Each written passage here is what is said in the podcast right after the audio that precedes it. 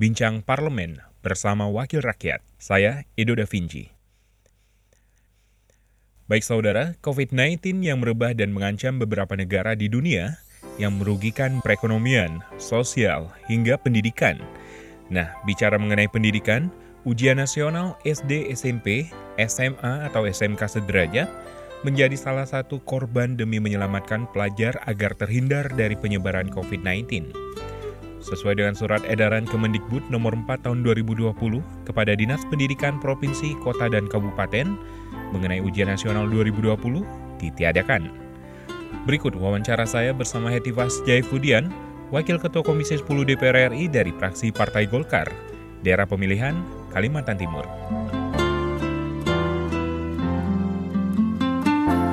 Halo, Assalamualaikum Bu Hetifah. Waalaikumsalam Edo. Ini tentang beberapa statement mengenai anggota Dewan meminta ujian nasional ditiadakan. Kita sudah mengambil keputusan bersama.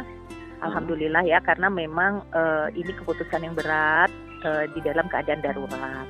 Walaupun kita sudah mempersiapkan, uh, namun uh, mempertimbangkan bahwa pelaksanaan UN itu juga bisa menjadi media penyebaran virus maka uh, kita menyepakati untuk meniadakan ini, bukan membata, uh, menunda ya. Jadi memang uh, kita meniadakan ini uh, dengan beberapa pertimbangan gitu ya di samping tadi keselamatan dan kesehatan dari peserta didik maupun juga tenaga kependidikan dan uh, juga bahkan masyarakat luas itu adalah prioritas saat ini.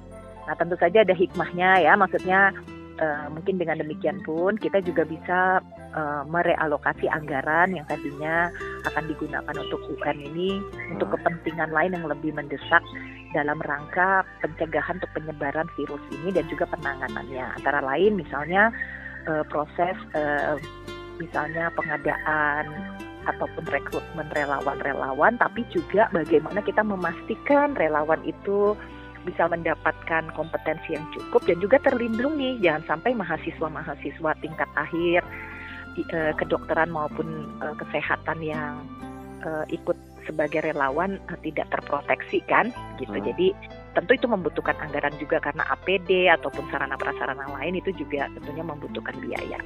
Tuh. Iya. Untuk mencegah uh, penyebaran ini. Iya, jadi itu prioritas dulu ya.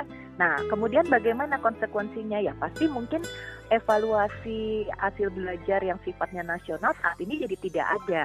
Uh, tapi bukan berarti maksudnya kita juga uh, berhenti di situ ya. Pertama kan tentu saja kalau dalam konteks ujian orang tua mungkin banyak bertanya-tanya ya sekarang kita berikan otonomi yang besar kepada uh, sekolah.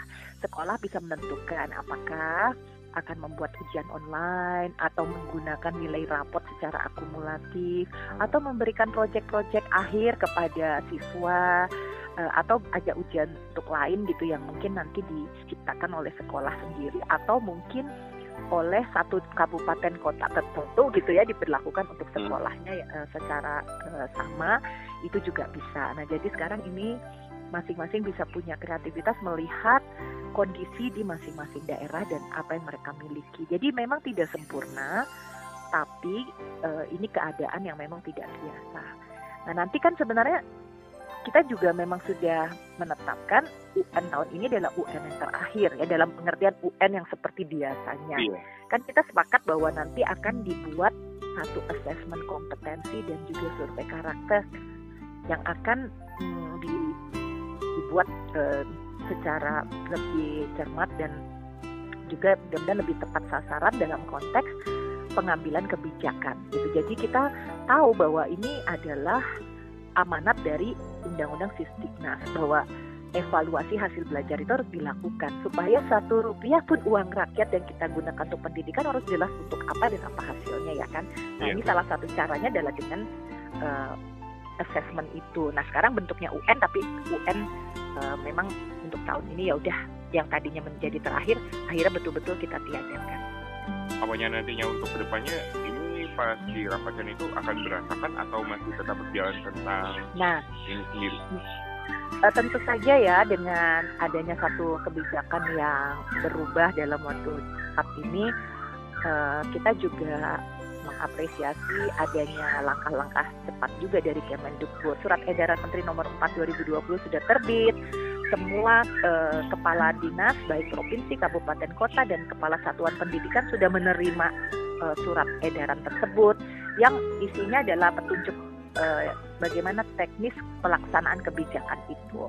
Nah, jika nanti dirasakan masih ada hal-hal yang mungkin kurang jelas, saya pun juga anggota DPR Komisi 10 membuka diri untuk menerima berbagai aspirasi, masukan ataupun juga pertanyaan dari masyarakat ya, baik orang tua, guru maupun siapa pun gitu yang ingin tahu bagaimana uh, atau mungkin kekhawatiran mereka seperti apa mudah-mudahan nanti petunjuk teknis lain misalnya petunjuk teknis tentang PPDB penerimaan siswa baru nanti ataupun penerimaan mahasiswa nanti ya kan? Mungkin jadi gimana gitu nilai apa yang digunakan dan sebagainya dan sebagainya. Itu juga nanti akan jadi bagian dari proses konsultasi dengan publik juga sehingga suara-suara masyarakat juga didengar ketika Kementerian Dikbud menyusun uh, petunjuk-petunjuk teknis bagi um, kegiatan penerimaan siswa maupun mahasiswa baru nanti. Iya, Jadi mudah-mudahan ya tenang. Ya, ya mudah-mudahan jangan terlalu cemas kepada para orang tua dan juga guru-guru. Saya kira inilah yang terbaik keputusan yang iya. bisa kita ambil. Tapi bukan berarti kami juga diam gitu. Kita juga tetap di dalam proses untuk merumuskan dengan lebih cermat apa kebijakan penggantinya. Nah, untuk sementara ini kalau soal kelulusan diserahkan kepada sekolah masing-masing. Dan saya yakin sekolah uh, justru mendapat merasa mendapat kepercayaan besar ya nanti apabila ada sekolah yang merasa uh, mungkin masih bingung gitu ya saya yakin dinas juga bisa memberikan bimbingan-bimbingan teknis maupun juga arahan-arahan uh, dalam pelaksanaannya. Mengenai tentang masuk SMP atau masuk SMA mm-hmm. itu masih sesuai dengan regulasi pada tahun kemarin ya?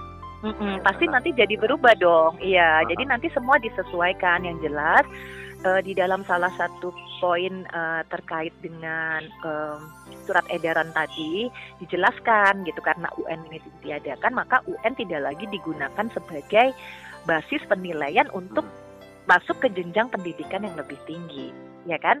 Iya. Itu. Nah, kemudian e, bagaimana nanti kemudian penilaiannya?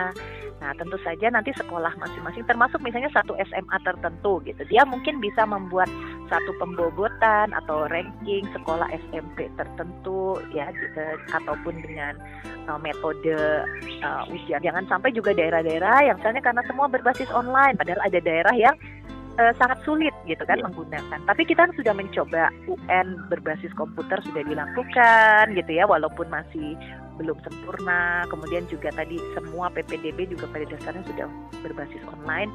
Nah, mudah-mudahan dengan adanya musibah ini hikmahnya adalah kita didesak dengan lebih keras untuk bisa menggunakan daring secara lebih efektif dan tepat guna.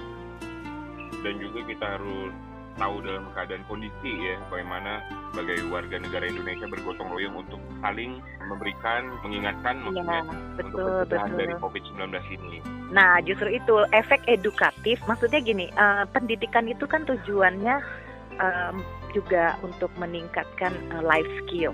Nah sekarang di sini kita diuji gitu bagaimana uh, ilmu hidup kita gitu untuk bisa tadi uh, mempertahankan diri dari musibah ini. Tadi bahkan hal-hal kecil orang tua di rumah itu seharusnya bisa memanfaatkan kesempatan yang lebih banyak dengan anak-anaknya untuk memberikan tadi ilmu-ilmu ini bagaimana menjaga kebersihan yang benar, bagaimana menjaga kesehatan yang benar, bagaimana meningkatkan imunitas tubuh semua dan sebagainya ya.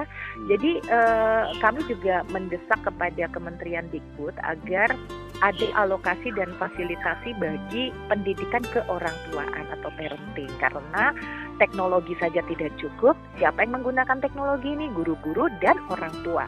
Nah, selama ini mungkin guru sudah ada kesempatan peningkatan kompetensi, tapi orang tua ini yang justru lebih mengkhawatirkan. Padahal mereka lah sumber utama pendidikan bagaimana karena saya lihat di lingkungan rumah saya saja masih ada anak-anak yang bergerombol malah main bola. Seolah-olah ini jadi liburan. Yeah. Orang tuanya tidak memberikan uh, penjelasan apa yang dimaksud dengan menjaga jarak uh, sosial ataupun uh, kenapa dia tidak boleh bermain dulu bersama teman-temannya. Ya pembatasan sosial itu apa? Bagaimana praktiknya? Ini kan orang tua yang akhirnya utama uh, sebagai sumber informasi dan sumber pendidikan. Makanya nanti ada juga kan pendidikan itu bukan hanya pendidikan formal di sekolah, tapi ada pendidikan informal, non formal dan pendidikan keorangtuaan bagian dari itu dan juga memberikan uh, agar orang tua tahu kan bagaimana cara anak belajar dan juga bagaimana cara iya.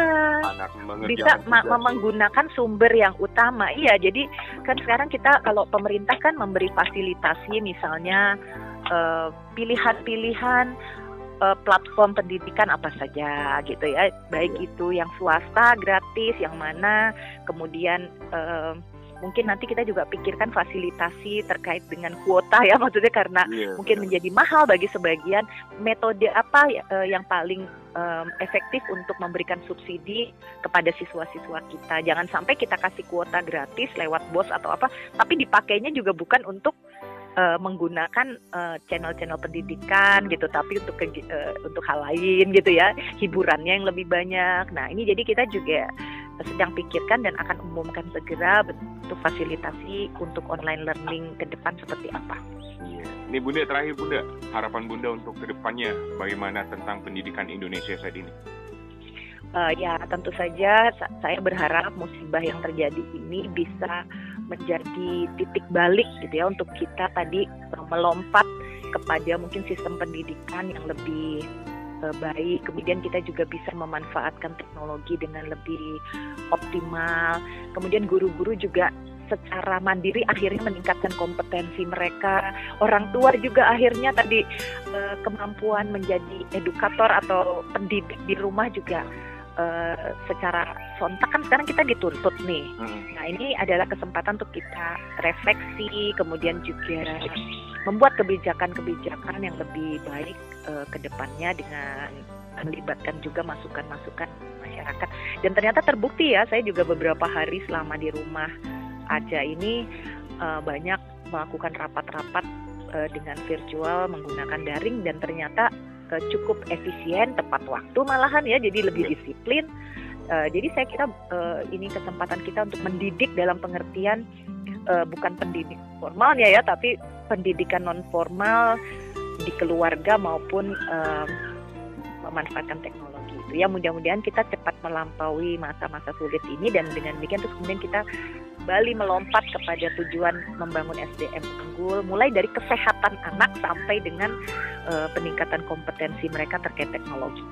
Amin. Dan yang pastinya masyarakat tahu ya bahwa anggota dewan itu riset atau pada saat masa-masa sekarang ini. Waduh, sekarang sih sebenarnya kita tidak iya iya lebih Ya justru sekarang tuntutannya jadi uh. lebih tinggi karena kita memang harus mengambil keputusannya cepat, tapi juga tepat gitu karena ini kan semua harus dipertanggungjawabkan yeah. gitu dan pengambilan keputusan anggaran tidak bisa dilakukan sendiri yeah. untuk berbagai kepentingan itu. Nah kami kan harus memutuskan dan jika memang ada hal-hal yang menurut kami juga tidak prioritas mungkin uh, tidak perlu diberikan uh, uh, anggarannya atau bahkan sebaliknya ya mungkin ada yang belum diajukan padahal menurut kami penting mungkin juga perlu kita alokasikan. Ya benar sekali apalagi tugas pokok dan fungsinya sebagai anggota DPR RI.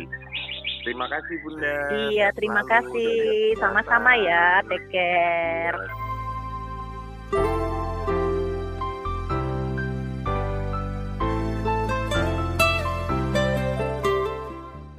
Baik saudara, demikianlah wawancara saya bersama Hetifas Jaypudian, Wakil Ketua Komisi 10 DPR RI dari fraksi Partai Golkar, daerah pemilihan Kalimantan Timur. Saya, Edo Da Vinci. Bincang bersama Wakil Rakyat, Produksi TV dan Radio Parlemen, Biro Pemberitaan Parlemen Sejen dan BK DPR RI.